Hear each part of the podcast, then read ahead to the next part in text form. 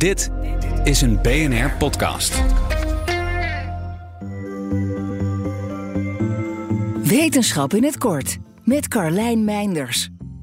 Zeehonden die leven in de Noordelijke IJszee hebben zich op allerlei manieren moeten aanpassen om met de extreem koude omstandigheden om te gaan.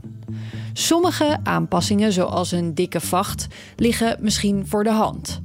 Andere zie je minder snel aankomen, zoals de aangepaste botten in hun neusholte die wetenschappers hebben bestudeerd aan de hand van computersimulaties.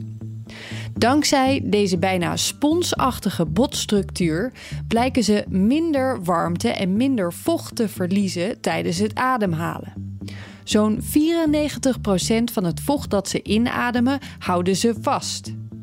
De lucht die de longen bereikt is dankzij de werking van de neusholte dus zo warm en vochtig mogelijk, terwijl de lucht die wordt uitgeademd juist heel droog is.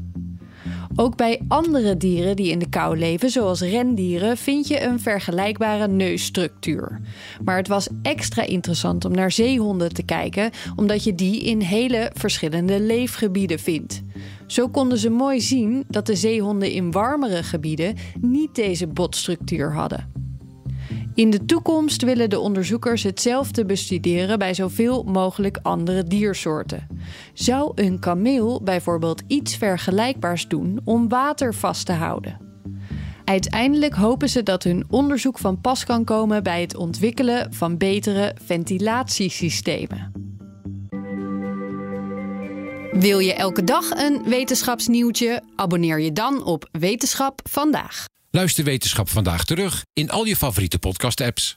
Verdienen jouw medewerkers de beste HR-service? Wij vinden van wel.